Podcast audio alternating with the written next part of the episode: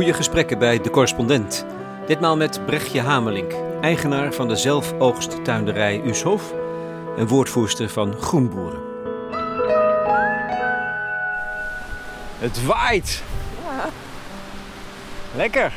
het weer is wat onstuimig. Hou je ervan? Ja, zeker. Ik ben zeiler. Dus, eh, Oh, dit is wel ja, ja, dit is- erg, Ja, dit is ideaal zeilweer, denk eh, ik. Ja, zeker. Ja. We lopen de tuin op. De zelfoogsttuinderij Ushof, 2 hectare groot. Gelegen in het hartje van Friesland, niet ver van Sneek. Straffe wind, mooi wisselend licht. De groenten staan er florisant en gezond bij in hun keurige bedjes. Brechtje Hamelink is er 12 jaar geleden mee begonnen. Samen met haar man. Na een flinke carrière switch. Want hiervoor werkte ze in de financiële sector. Deze tuin is een zogeheten CSA-tuinderij. Community Supported Agriculture. Bestaat wereldwijd. Als je een abonnement hebt, mag je zelf je groente en fruit komen oogsten. Dat volgens de beste ecologische principes wordt verbouwd. Regeneratief, in samenspraak met de natuur. Permacultuur is een andere naam daarvoor. Er is nog een reden om met haar te gaan praten. Ze noemt zichzelf een vergaderboer en speelt een belangrijke rol in allerlei netwerken die de fundamentele transitie in land- en tuinbouw wil aanjagen. En liever vandaag dan morgen. Cruciaal is de grond, de gezondheid van de bodem. Naast het eigendom. En daar heeft Brechtje Hamelink uitgesproken ideeën over, over deze vraag. Van wie is de grond?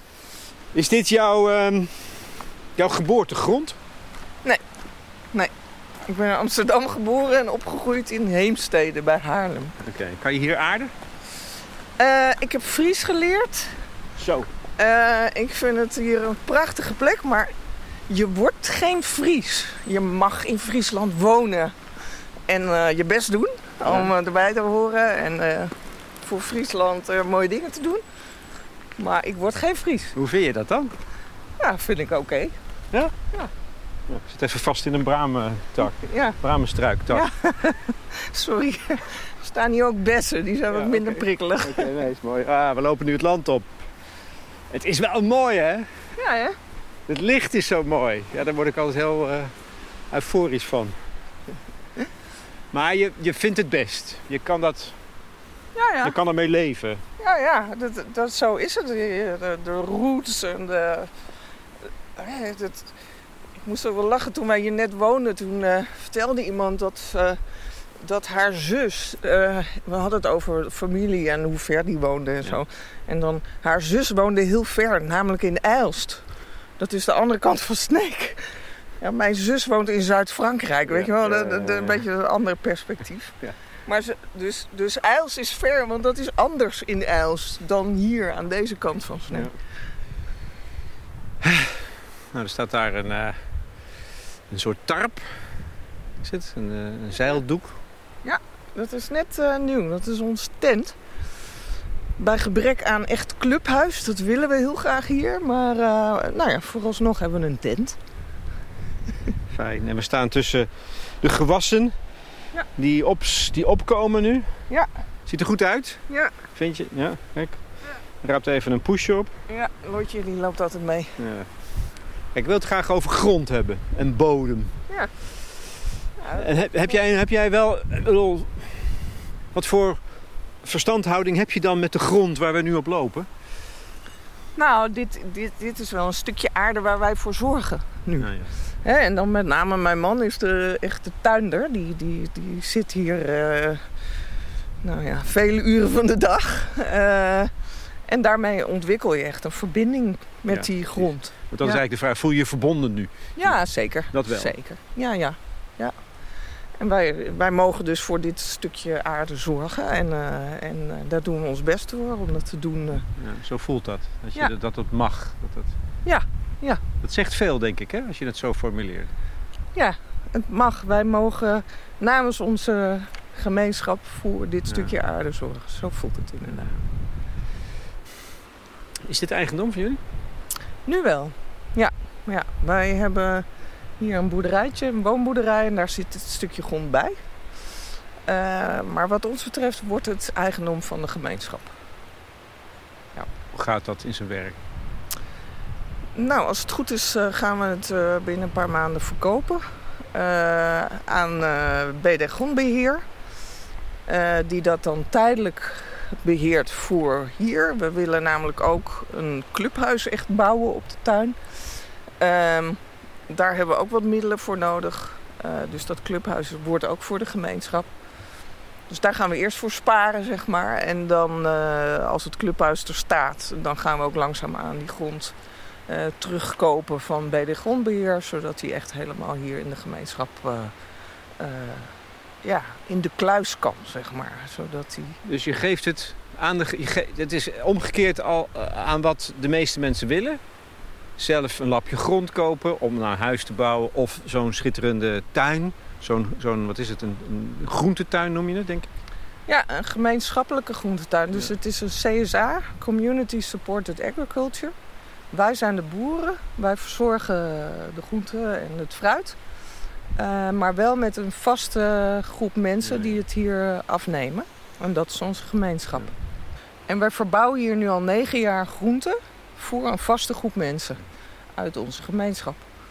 En uh, het, het, voelt voor ons heel raar dat wij dat stukje grond dan vervolgens nog zouden kunnen verkopen op een gegeven moment. Als wij uh, en de, ja.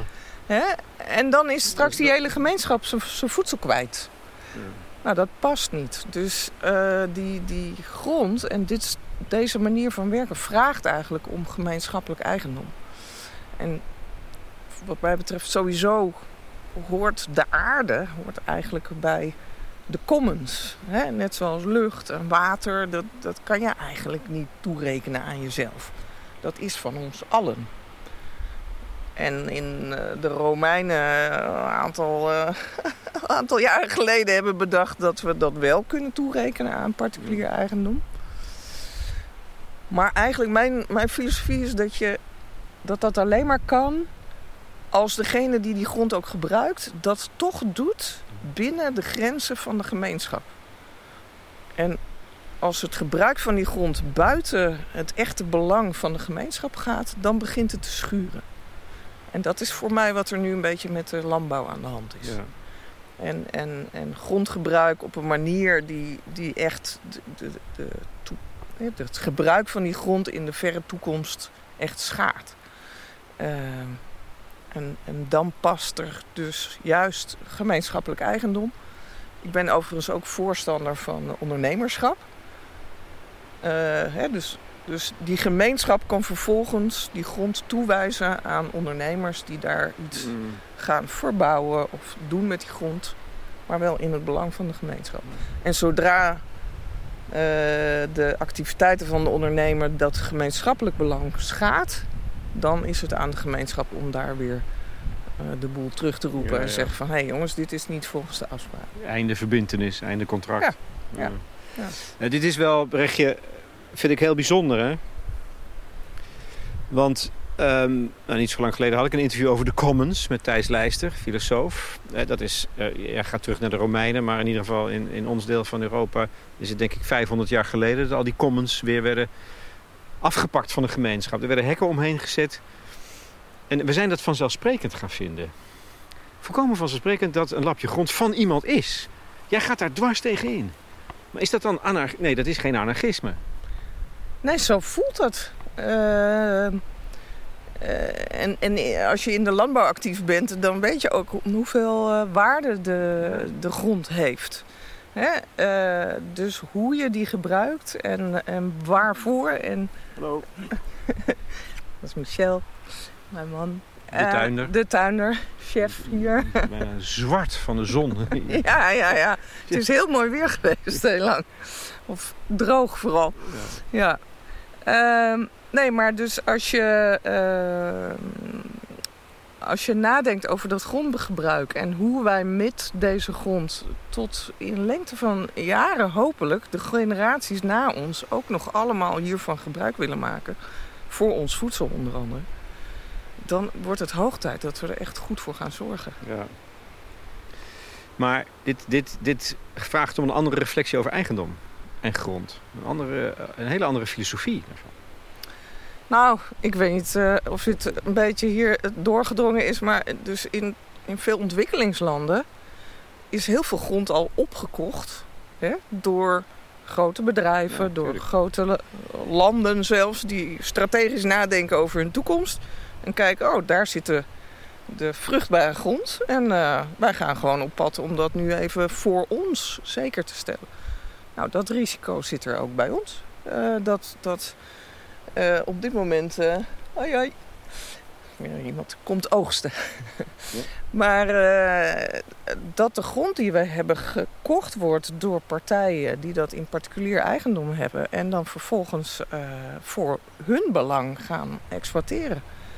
En volgens mij moeten we dat niet willen. Wij moeten zorgen dat we de goede grond die we hebben. Voor onze gemeenschap eh, beschikbaar houden. Ja, en onze gemeenschap is dan... Ja, wij, wij zitten hier in een dorpje in West-Friesland... waarvan ik de naam niet eens durf uit te spreken. in de buurt van Sneek. Jij wil het wel? Sibrandaboren. Oh, dat valt nog wel mee. Brandaborn. Ehm dus, dus die gemeenschap is niet alleen dit dorpje en de mensen die hier wonen... maar ja, ik denk dat jij heel Nederland bedoelt. Klopt, ja. ja. Dus eigenlijk, net zoals je water en lucht eh, voor het gemeenschappelijk belang wil zekerstellen, zo zouden we eigenlijk onze grond ook moeten zorgen dat die Ja. in, de, in het gemeenschappelijk belang wordt toegekend aan zij die daar eh, voor het gemeenschappelijk belang gebruik van gaan maken. Is er een weg terug?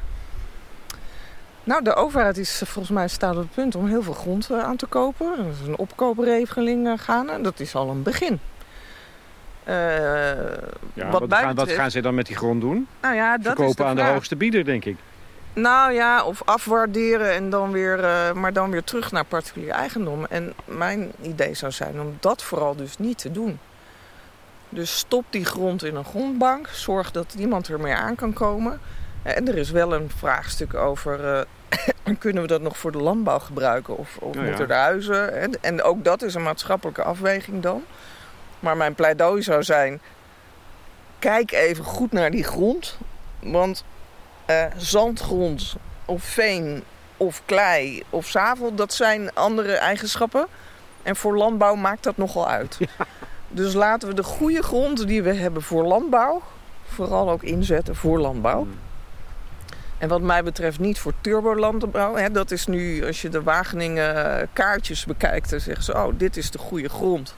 Daar mogen we dan voor, eh, voor de export en eh, intensieve landbouw gaan bedrijven nog steeds. Ik denk, eh, hoe haal je het in je hoofd? De enige goede grond die we nog hebben, moeten we heel zuinig op zijn. En daar moeten we vooral echt op letten dat we daar op, op agro-ecologische manier nu landbouw gaan bedrijven. Zodat die behouden blijft voor de komende generaties. Ehm, dus je moet echt goed kijken naar de, de eigenschappen van de grond. Dus functie volgt bodem, zo, zo heet dat dan. En eh, Een grootschalige her- herverdeling in feite dan. Eh, ja, kijk, je hoeft niet volgens mij de huidige boeren die, eh, of, of grondeigenaren te onteigenen. Maar als het moment dat grond op de markt komt, daar zou je natuurlijk wel naar kunnen kijken. In hoeverre je dan als gemeenschap die grond opkoopt. En zorgt dat die voor jouw gemeenschap, en dat is inderdaad Nederland uiteindelijk, behouden blijft. En, en mag je dat een soort van democratisering no- noemen? Ja, vind ik wel. Ja. En dus je zorgt dat het grond in gemeenschappelijk eigendom komt. En vervolgens moet je een proces bedenken hoe je dan eh, dat vervolgens toewijst aan die ondernemers of, of eh, functies, zeg maar, die je als Ja. gemeenschap nodig hebt.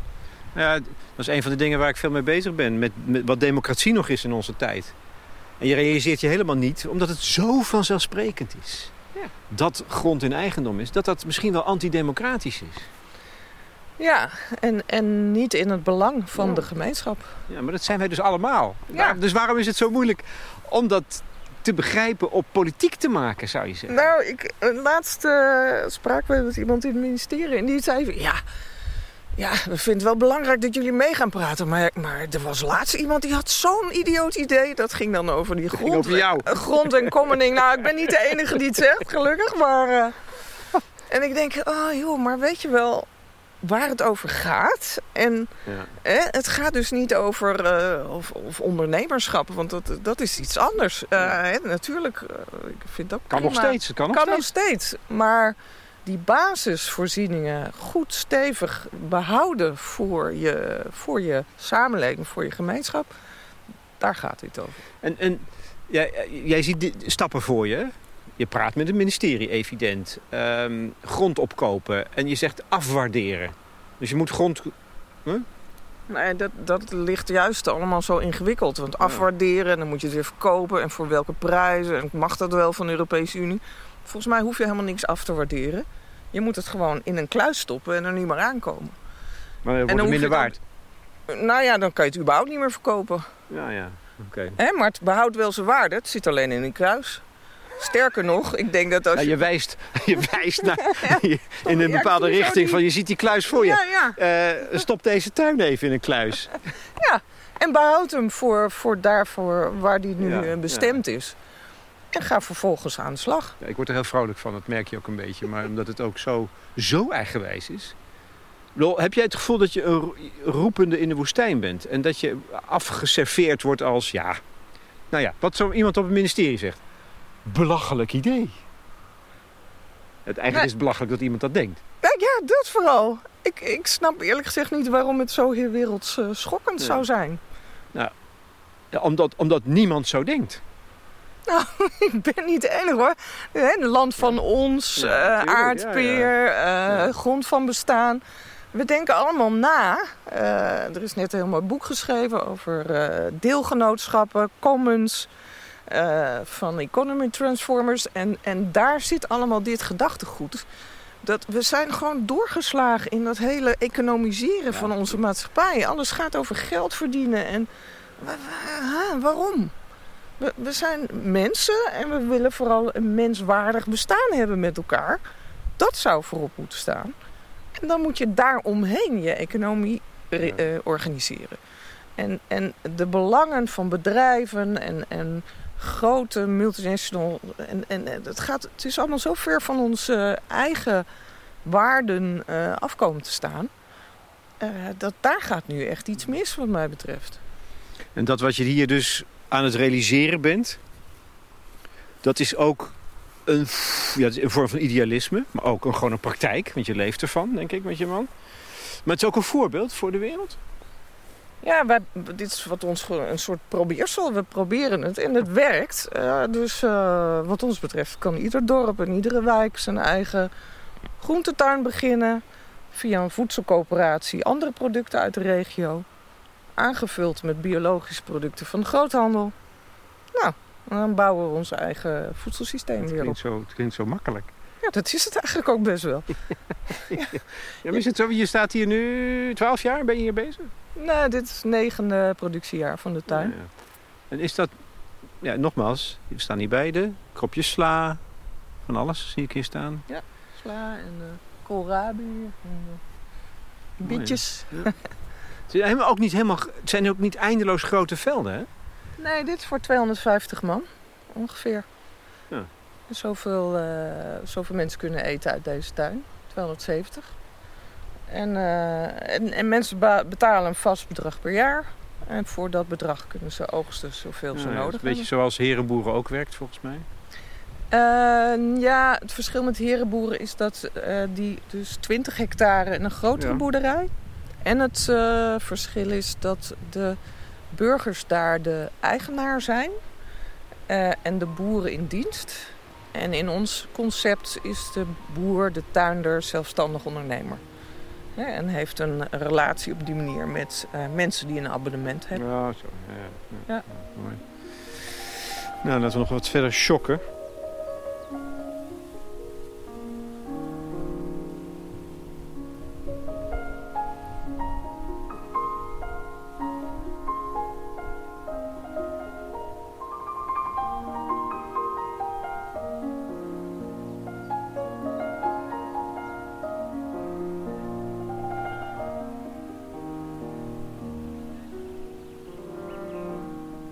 Jij, jij hebt meegedaan, eh, Brechtje Hamelink, met het uh, landbouwakkoord.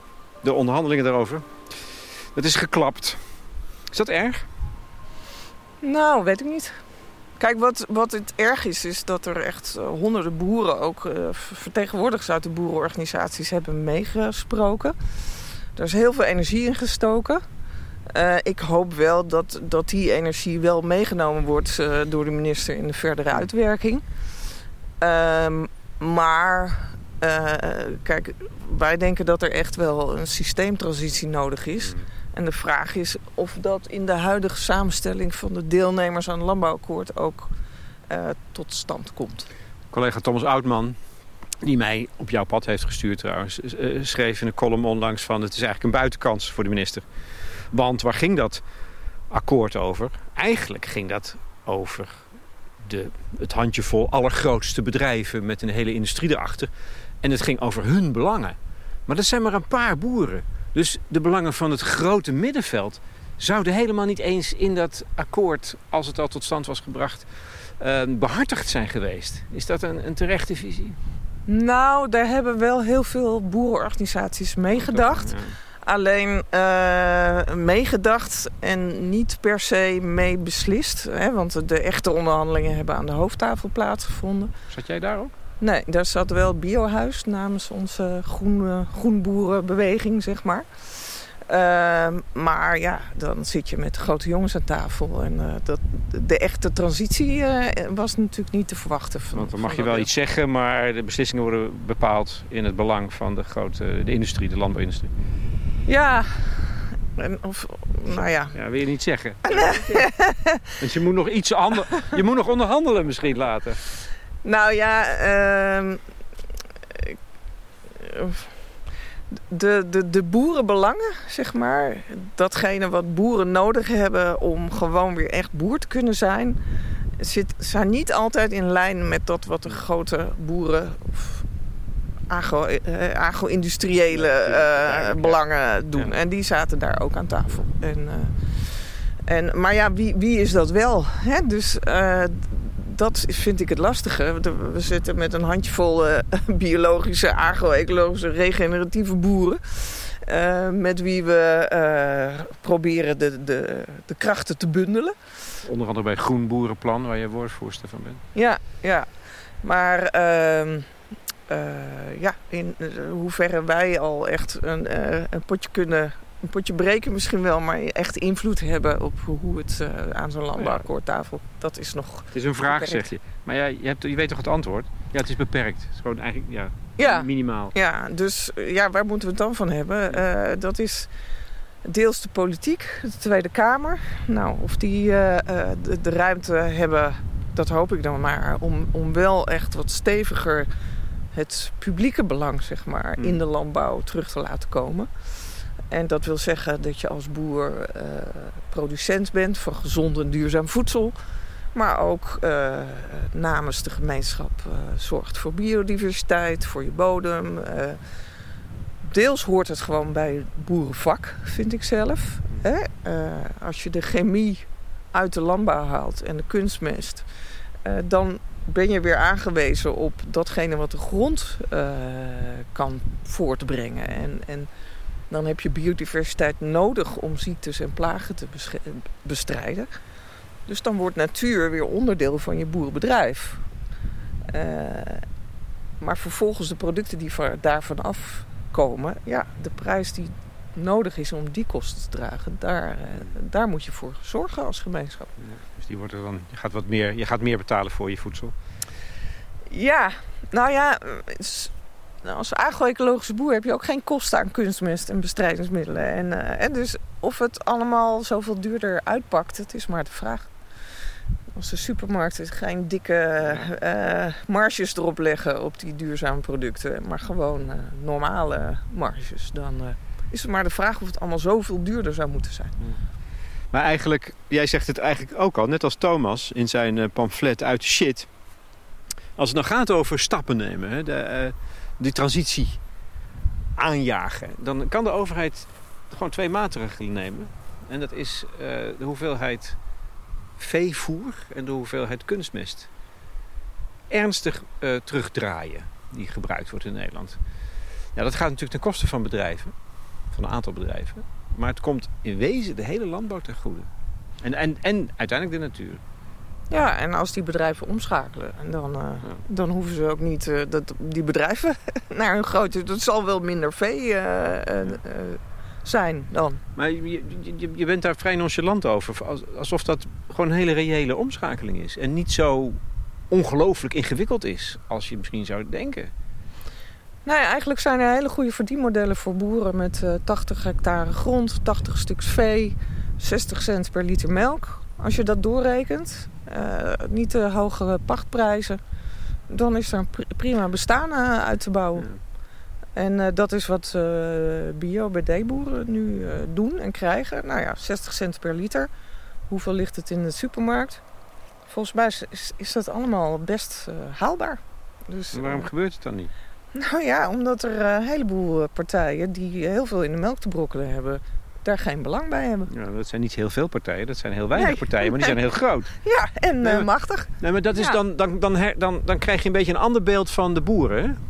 Nu zijn de boeren een beetje de vijanden, zo'n beetje van de, van de gemeenschap bijna en van de natuur. Want die verzetten zich tegen maatregelen ten bate van het klimaat. Maar het grootste gedeelte van die gemeenschap, begrijp ik, ja, moet je daar niet toe. Die staan daar heel, heel dubbelzinnig in. Die kunnen geen kant op. En die kiezen dan misschien wel voor, uh, voor, voor, uh, voor, boosheid en de LTO. Ja. dit, dit lachje, dit, vertrouwt. dit wel. Wat is het voor lachje? nou ja, ik, ik vind het gewoon lastig hoe de LTO. Uh, ik, laat andersom. Ik ben, denk... ben je ook diplomaat eigenlijk? Of onder, onderhandelaar? nou, Weet je, ik denk dat we niks opschieten met polarisatie en iedereen enzovoort. Uh, dus, nee, maar dus, je moet soms ook gewoon zeggen waar het op staat. Ja, en dat is dus dat het hoog tijd wordt dat de LTO ook echt gaat kiezen voor die transitie. En opkomt voor de belangen van boeren. En dat is wat anders dan opkomen voor de belangen van grote, uh, grote agro-industriële bedrijven. Dat is gewoon echt een andere perspectief. En als we opkomen met elkaar voor de belangen van boeren, dan is er enorm veel perspectief in de duurzame landbouw. Maar is het dan, als het dus in het stemgedrag gaat over boeren die voor BBB kiezen, dan kiezen ze misschien wel in feite tegen hun eigen belang? Of voor een, nou, ik denk dat, dat heel veel mensen uh, denken dat BBB hier eigenlijk voor staat. Boer-burger. Ja. Uh, de ja. beweging. Maar dat is dus niet zo. Nee. Uh, en dus de vraag is eventjes... Uh, ja, of die kiezers uh, opgelet hebben, zeg maar. En ik, ik vind het zelf wel een interessante... Hè, dus ik heb vragen over hoe die BBB van bovenaf wordt uh, aangestuurd. Maar het grappige vind ik dat er zoveel mensen nu in die provinciale besturen terecht zijn gekomen. Dat zijn heel veel bestuurders vanuit voorheen lokale partijen. Die dus juist heel erg het belang van hun gemeenschap en hun hun, hun uh, landschap wellicht uh, vertegenwoordigen. Daarvoor zijn ze in de politiek gegaan. Die mensen zitten allemaal bij de BBB. ik hoop dat ook zij binnen de BBB die belangen van de gemeenschap en van boeren, maar ook van dat we weer goed gaan zorgen voor onze omgeving, gaan behartigen. Lijkt me prachtig. Je moet het allemaal ja, maar en, zien, hè? Ja, en Caroline komt in ieder geval over als een hele integere uh, vrouw. Ja. En uh, ik hoop dat ze dat uh, is.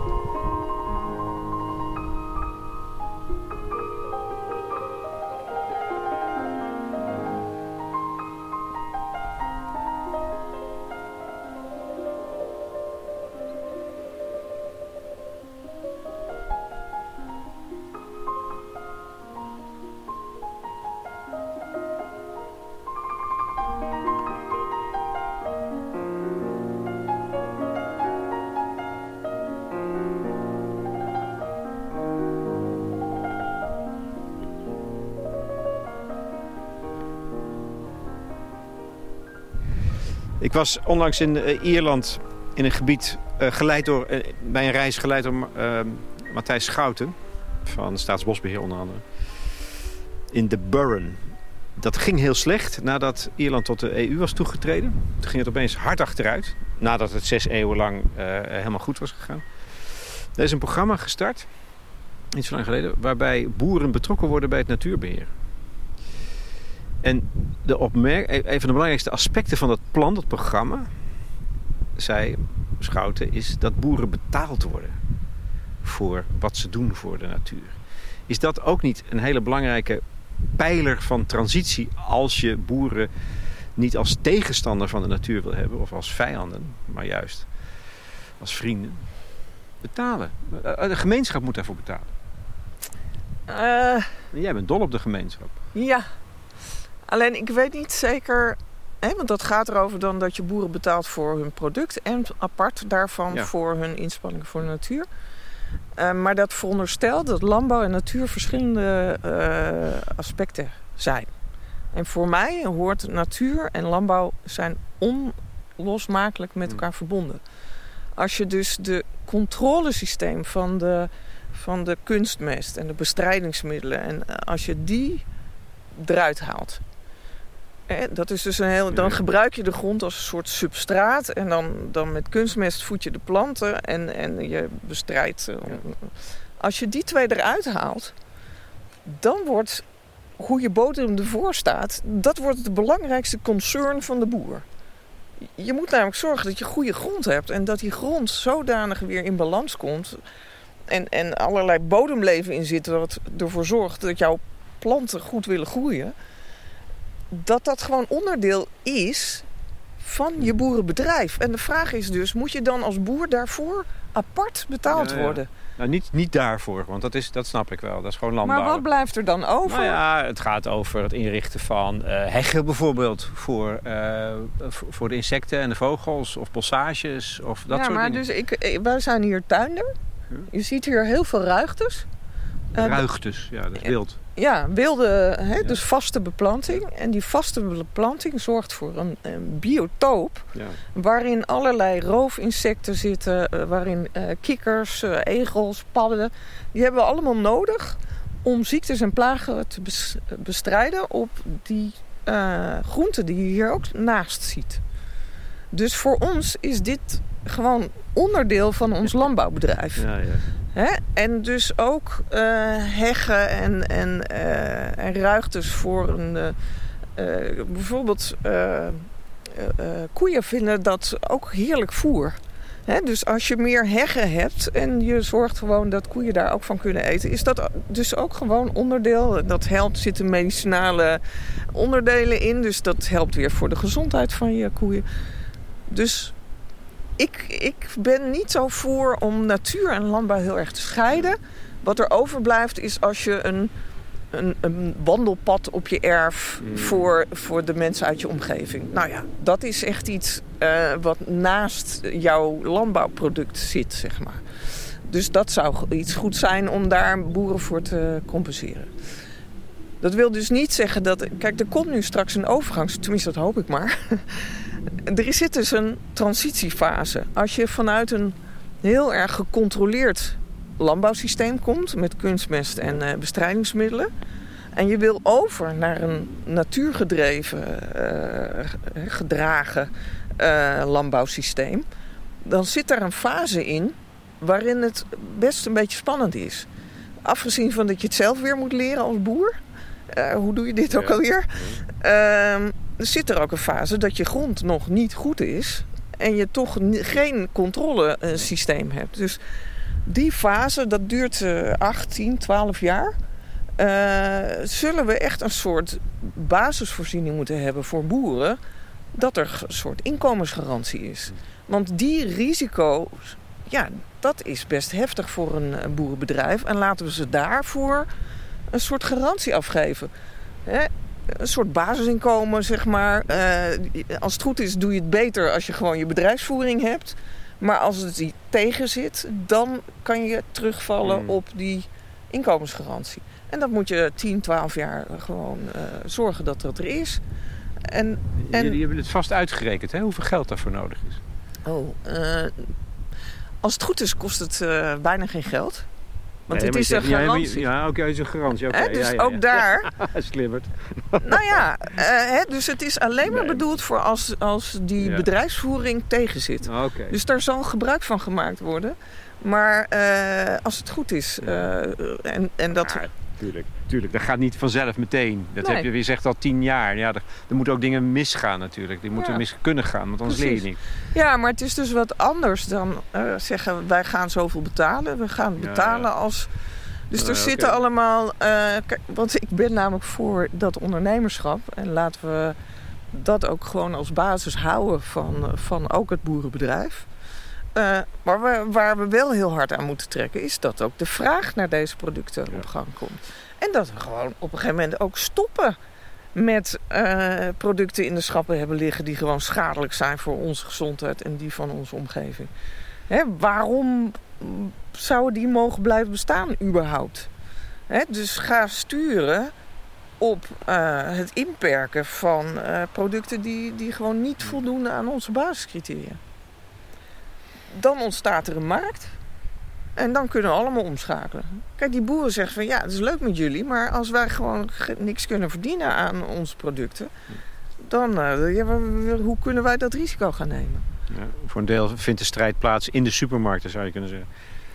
Ja, dus de vraag is hoe zorg je dat die schappen vol liggen met duurzame producten? Nou, daar zijn verschillende manieren voor. Je kan zorgen dat die niet duurzame producten duurder worden. Dan zit je bij de accijnsen op uh, gebruik van kunstmest en, en uh, pesticiden. Je kan ook zorgen dat uh, hè, dus de externe kosten voor de maatschappij... die stop je dan in de prijs van het product. je kan ook aan de andere kant... je kan zorgen in de supermarkten dat je accijnsen heft op producten die niet duurzaam zijn. Dus dan zeg je, dan zit je aan de consumentenkant zit je er wat bovenop zodat de keuze voor een duurzaam product gewoon de goedkope keuze wordt. En dan zijn we klaar. Ja. En natuurlijk wordt het dan waarschijnlijk, hoewel eh, er ook allerlei voordelen... Hè, als we met z'n allen omgaan, dan is maar de vraag of die prijzen zoveel duurder moeten worden. Dat, eh, ben ik, dat is wat mij betreft nog helemaal niet gezegd. Maar als dat zo zou zijn, dan moet je natuurlijk uh, die groepen die dan moeite hebben om. Uh, hè, want dat is steeds het argument. Van ja, dan wordt de prijs van voedsel duurder. En daarom kunnen we het niet doen, want dan kunnen de mensen het niet meer kopen. Ja, zorg dan dat je die groepen compenseert. Dan moet je gewoon uh, de het minimumloon omhoog gooien en uh, de, de uitkering omhoog. Dat lijkt me sowieso een goed idee.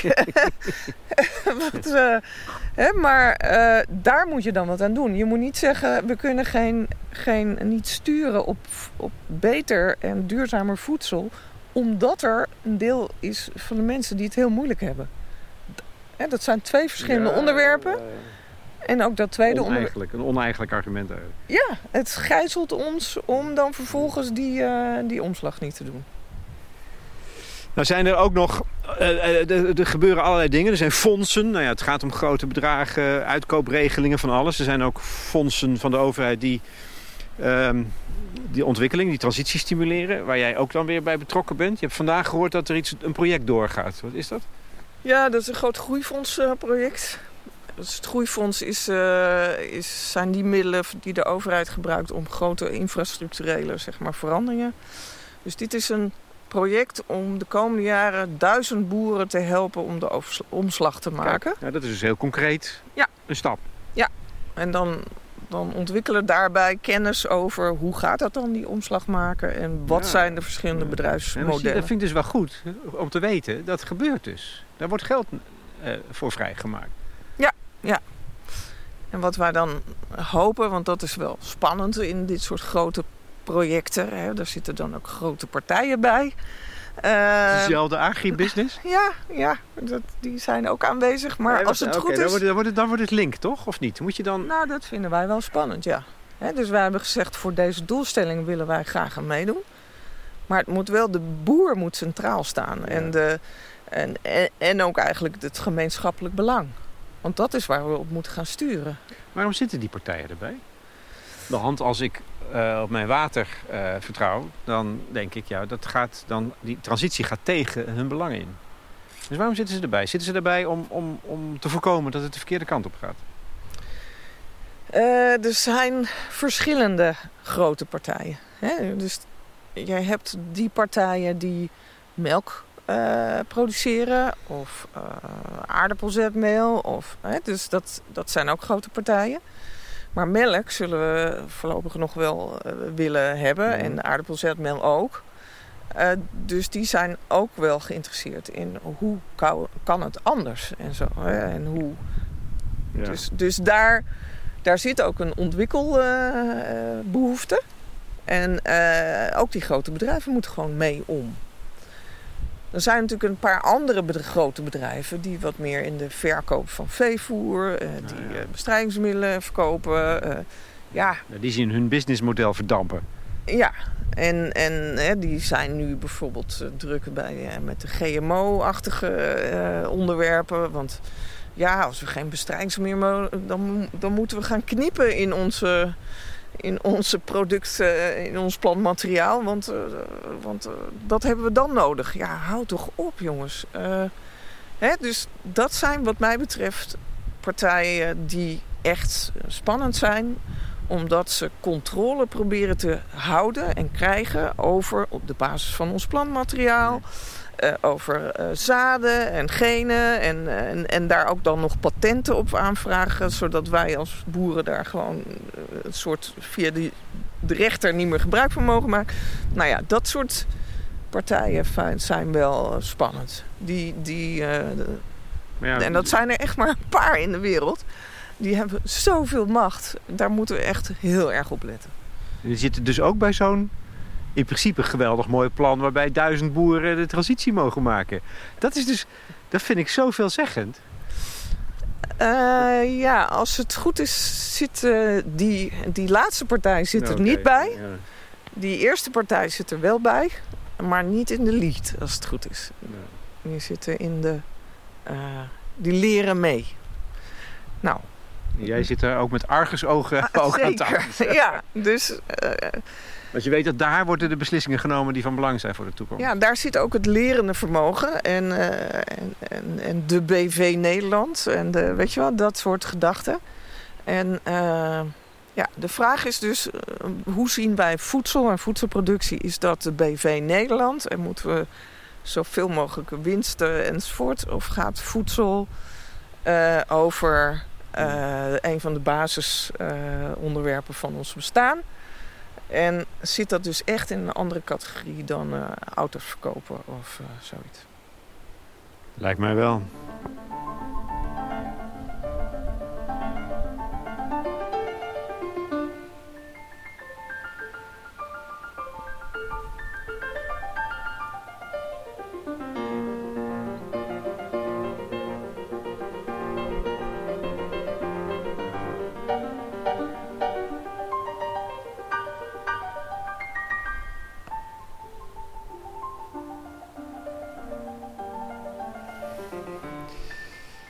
Hebt meegebouwd hè, aan, de, aan de tuin ook.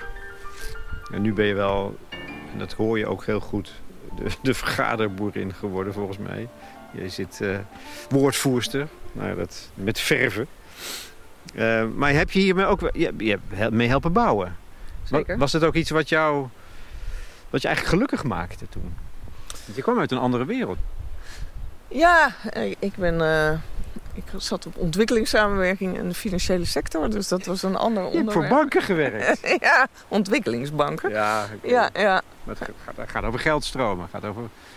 Nou ja, geld zo is een instrument om te bereiken wat je graag zou willen. En uh, als je zo banken ziet als financiers van datgene wat wij met elkaar graag willen... dan is daar niks mis mee. Nee. um, Maar ja, wij hebben hier gebouwd. Ik, eerlijk gezegd, ik had eigenlijk heel weinig verstand van uh, ja, voedselverbouwen. Dat, dat, bedoel ik. Ja. Dat ben je er maar gewoon gaan doen. Ja, ja. Ik kwam erachter eigenlijk tijdens de bankencrisis. 2000, uh, wat was het? 2008 tot, tot 11. Toen, toen, toen vielen er een paar Nederlandse banken bijna om. En ik ben dus eigenlijk econoom van opleiding. En ik had echt zoiets van... Mijn god, we gaan hier echt langs het randje van de afgrond met elkaar. dat was ook echt zo, hè? Dat, dat was ook echt een metafoor. Nee, nee. En dan, toen zijn we gaan nadenken, ja, hoe zit ons leven eigenlijk in elkaar?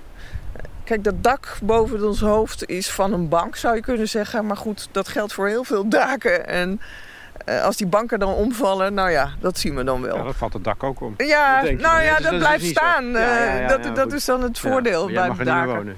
Nou ja, dat, dat weten we dan ook eigenlijk niet, hè, hoe dat allemaal loopt. Maar goed, um, wat is er verder nog van belang? Ja, dat is energie. Nou, duurzame energie, daar, daar doen we hier aan. En, en daar zijn we ook een tijdje actief in geweest.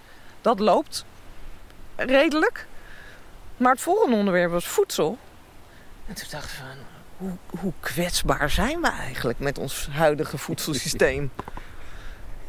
En toen kwam ik erachter dat ik zelf eigenlijk echt totaal geen verstand had van het verbouwen van voedsel.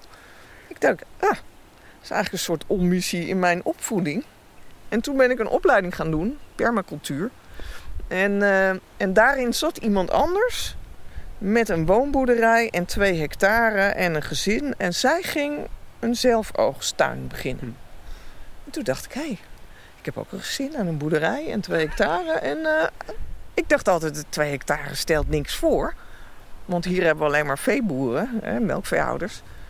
Maar voor een tuinerij is twee hectare prima.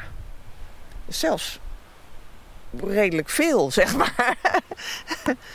en uh, nou, want als je, als je het doet, vooral vanuit de filosofie, het is leuk om zelf een tuintje te hebben en eten voor jezelf. Maar als het gaat over het weer robuust maken van je eigen gemeenschap, dan is het zinvol om voedsel te verbouwen voor je gemeenschap. Dus het was ook meteen het idee dat ontstond toen. Dat je dat niet alleen voor jezelf ging doen. Leuk, leuke hobby. Nee, het was ingebed in die filosofie van uh, de aarde is van ons allemaal. Ja, en we moeten weer zorgen dat we robuuste systemen hebben en minder afhankelijk van al die grote stromen en processen. We moeten gewoon weer wat meer uh, grip krijgen op onze eigen omgeving. Maar je, bent, je hebt die opleidingen wel gevolgd. Hè? Permanent agriculture is dat, per, permacultuur. Dus dat hele gedachtegoed van ja, ik weet hoe je het heel snel samenvat, van een ecologische manier van verbouwen. Waarbij de natuur integraal onderdeel ervan uitmaakt. En je hebt geen kunstmest nodig en geen, uh, geen, geen ja, bestrijdingsmiddelen. Geen nee. Dat idee. Maar lukte dat dan ook meteen? Uh, Met jouw onervarenheid? Ja. Nou, dat verbouwen, uh, dat ging eigenlijk best wel snel uh, vrij goed. We zijn wat minder uh, goed in, in, in heel erg marketing en, ja, en uh, social media en van dat soort dingen. Dus het opbouwen van die gemeenschap die deze vorm van landbouw wil, dat, dat duurde wat langer. maar die, die hebben we nu. En, en andere mensen die daar wat beter in zijn, die, die beginnen vanaf die kant. Dus dat andersom. Je kan ook als gemeenschap met elkaar zeggen: hé, hey, dit willen wij. En vervolgens een tuin gaan zoeken. Zo kan het ook. Dus uh, ja, daar hebben we ontzettend veel van geleerd. En via uh, de voedselwerkplaats delen we die kennis ook. Dus hoe kan je nou als gemeenschap of als tuinder een tuinerij hmm. beginnen? CSA-netwerk doet dat vervolgens voor, voor echt tuinders. En de voedselwerkplaats doet dat voor burgers die zoiets zouden willen. Ja, maar het is niet een, een project waarbij je jarenlang eigenlijk wanhopig was of in paniek. Nee, maar... Nou ja, twee jaar geleden hadden we een slakkenplaag. Ja. Dat was best wel eh, heftig. En, en het lastige is ook dat er niet zomaar iemand is die je kan bellen en zegt van oké, en wat doen we dan nu?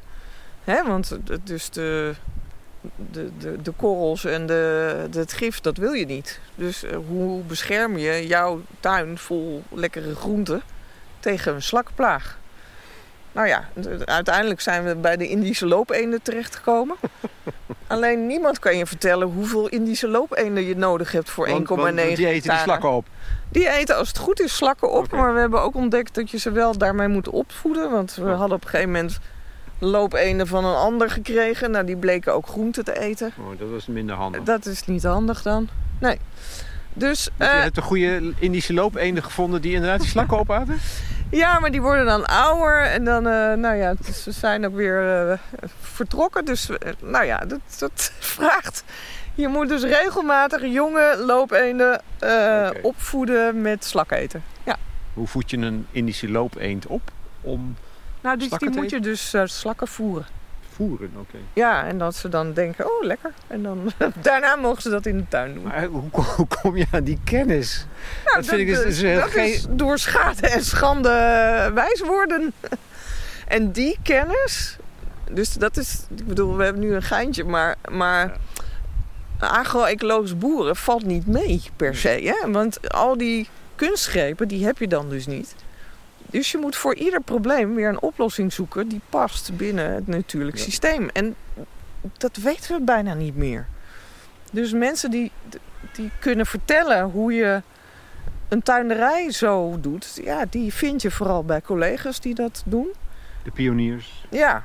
En het zijn er wel steeds meer natuurlijk. Er zijn een stuk of 200 van dit soort tuinen in Nederland nu, denk ik. Uh, en we zijn nu onze vereniging aan het opbouwen, het CSA-netwerk, zodat we die uitwisseling ook kunnen gaan ondernemen. Maar ja, wij moeten ook met, uh, met de Weur of met, uh, met Groningen of hier Van Hal in gesprek. Jongens, kunnen jullie onderzoek doen hoe je in die loopheen kan mm. inzetten voor slakkenbestrijding? Ja, nou ja. Dat, maar dat, zijn ze, dat willen ze vast wel doen. Ja, nou en dan kom je een beetje tegen de systeemproblemen. Op dit moment is het zo dat als je onderzoek wil doen, dat je minimaal 50% zelf moet betalen. Ja. En uh, ja, in de praktijk werkt dat zo dat al dat landbouwonderzoek gecofinancierd wordt door de grote agro-industriële bedrijven. Zij hebben dat RD-geld. Uh, dus als je dat niet hebt, dan is onderzoek doen uh, niet makkelijk. Ja. En die, die business is niet geïnteresseerd in Indische loopeenden, heb ik zo het vermoeden. Inderdaad. dus we proberen nu met het ministerie uit te leggen dat als je dit soort uh, landbouw wil stimuleren, die vooral maatschappelijk belang uh, ondersteunt, dat je dus ook daar een aparte onderzoekslijn voor moet opzetten, die niet uh, 50% cofinanciering vraagt. En die ook boeren in de lead van het onderzoek laat zetten. En niet, nu kan je bijvoorbeeld bij al dat onderzoeksgeld alleen maar wetenschappers betalen. Maar die Indische loopeenden vraagstukken, die antwoorden daarop, die zitten dus ook bij boeren. En die zijn dus, moet ze ook een volwaardig hm. eh, onderdeel van zo'n onderzoek uh, laten zijn. Jij klinkt zo laconiek trouwens. Ja. Heerlijk, maar, maar ja. Dat denk ik altijd, waar, hoe, waar haal je dat vandaan? Snap je? Die, die nuchterheid. Maar, maar doen, proberen. Ja. Je maakt het niet moeilijker dan het is, maar makkelijker in je hoofd. Nou, het zijn vrij complexe vraagstukken, dus dan is het handiger om daar een beetje, een beetje niet al te ingewikkeld over te doen. Ja. Ja, het is gewoon ook doen en laten zien en uh, proberen. En ook een levenshouding, denk ik. Nou ja, weet je, de basis voor dit alles is dat wij ons ontzettend zorgen maken over waar het naartoe gaat met. Uh, en uh, ik heb drie kinderen. En deels... Super gemotiveerd ook dus. Ja. ja. Ja, het meest ingewikkelde moment vond ik dat mijn oudste zoon, de middelste, vroeg op een gegeven moment van... Mam, wat is dat permafrost nu eigenlijk? niet permacultuur, maar permafrost in dit geval. En ik hem uitlegde hoe dat dan zit op die polen. En als dat de boel afsmelt, dat dan wit-bruin wordt. En dat er toendra's met al die methaangassen vrijkomen. En dat er dan het risico is op echt een bruske, enorme omslag in, uh, in, in, in de weersomstandigheden. En ik legde dat uit en hij en mijn twee andere kinderen die in de auto zaten, snapten wat ik zei. En dat vond ik zo heftig. Want eigenlijk is dus de toekomst ontzettend onzeker. En dat is toch waanzinnig dat we het zo ver hebben laten komen en nog steeds uh, hier niet substantieel iets aan doen. Dus dat, dat is onze drijfveer hier. En met de beperkte mogelijkheden die we hebben, gaan we het dan maar doen gewoon. En, uh... ja. Omdat je voelt dat die kinderen een last dragen, hè? Last van de toekomst in feite. Ja joh, en, en uh, depressies onder studenten. Ja, ik kan het me voorstellen eerlijk gezegd. Hoe, hoe ver hebben we het laten komen? Nu we het toch over kinderen hebben. Dan heb je nog een keer een, een, een, een move gemaakt. Als, als in, in, je carrière. Je bent je met heel... Ook, ook nog, niet recentelijk, volgens mij ook nog weer... met hele andere dingen bezig gaan houden. Namelijk met zwangerschap. Ja. Had je, had je daar hier alweer genoeg van? Had je gezien, terwijl je ook nog bent aan het bouwen. je bent een, een, gemeenschap aan het bouwen, dus dat is ook, dat, daar hangt veel meer omheen. Die tent staat er niet voor niks.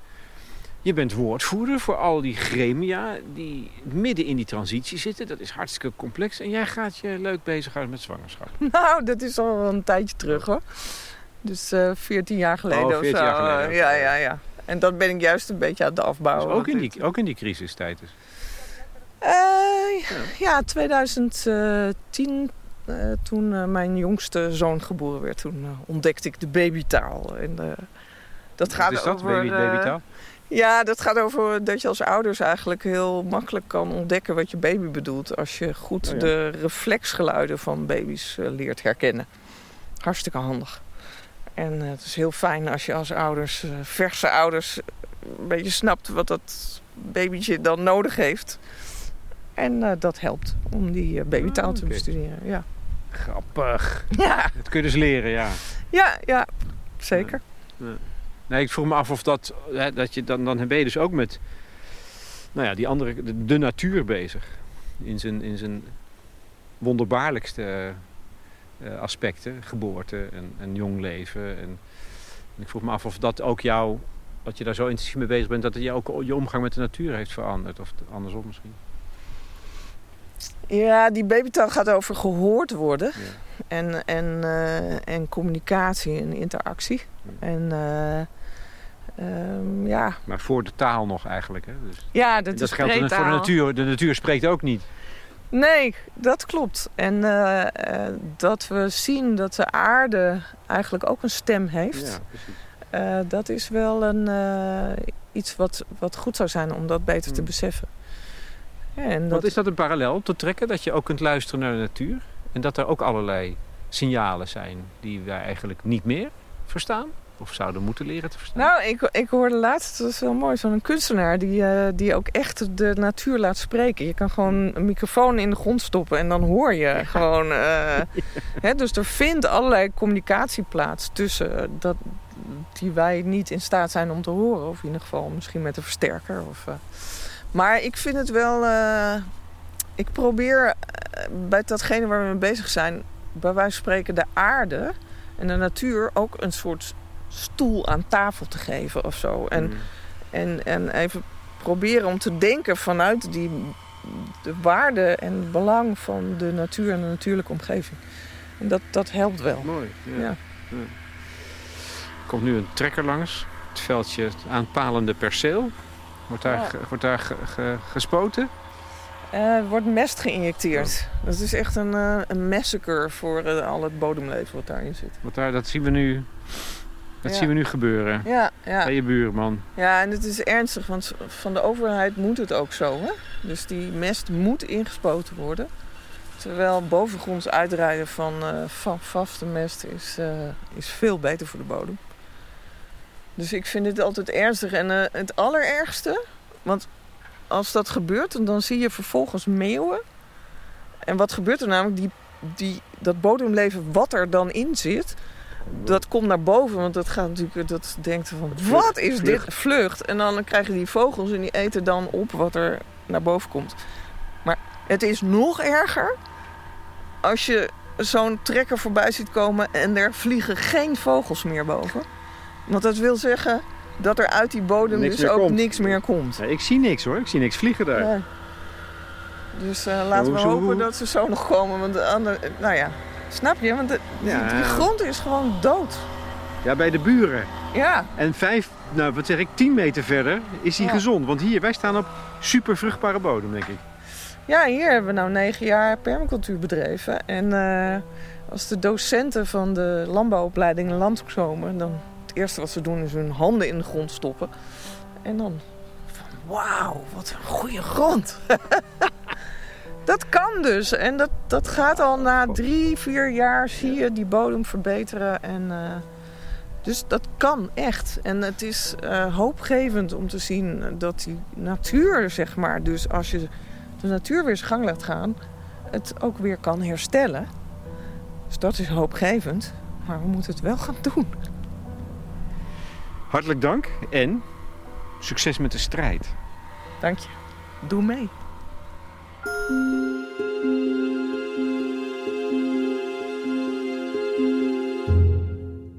Brechtje Hamelink van tuinderij Ushof en Groenboer en nog veel meer in gesprek met Lex Bolmeijer voor de correspondent. Hebben jullie zin om mee te doen? Ja, goede vraag. Hebben jullie ervaring met een dergelijke tuin? Bijvoorbeeld als abonneehouder, zelfplukker. Ik zou daar graag meer over horen. Vertel er iets over op ons platform, dat is toegankelijk voor leden. Want ja, wij werken ook met een soort abonnementen, het fundament van onze journalistiek.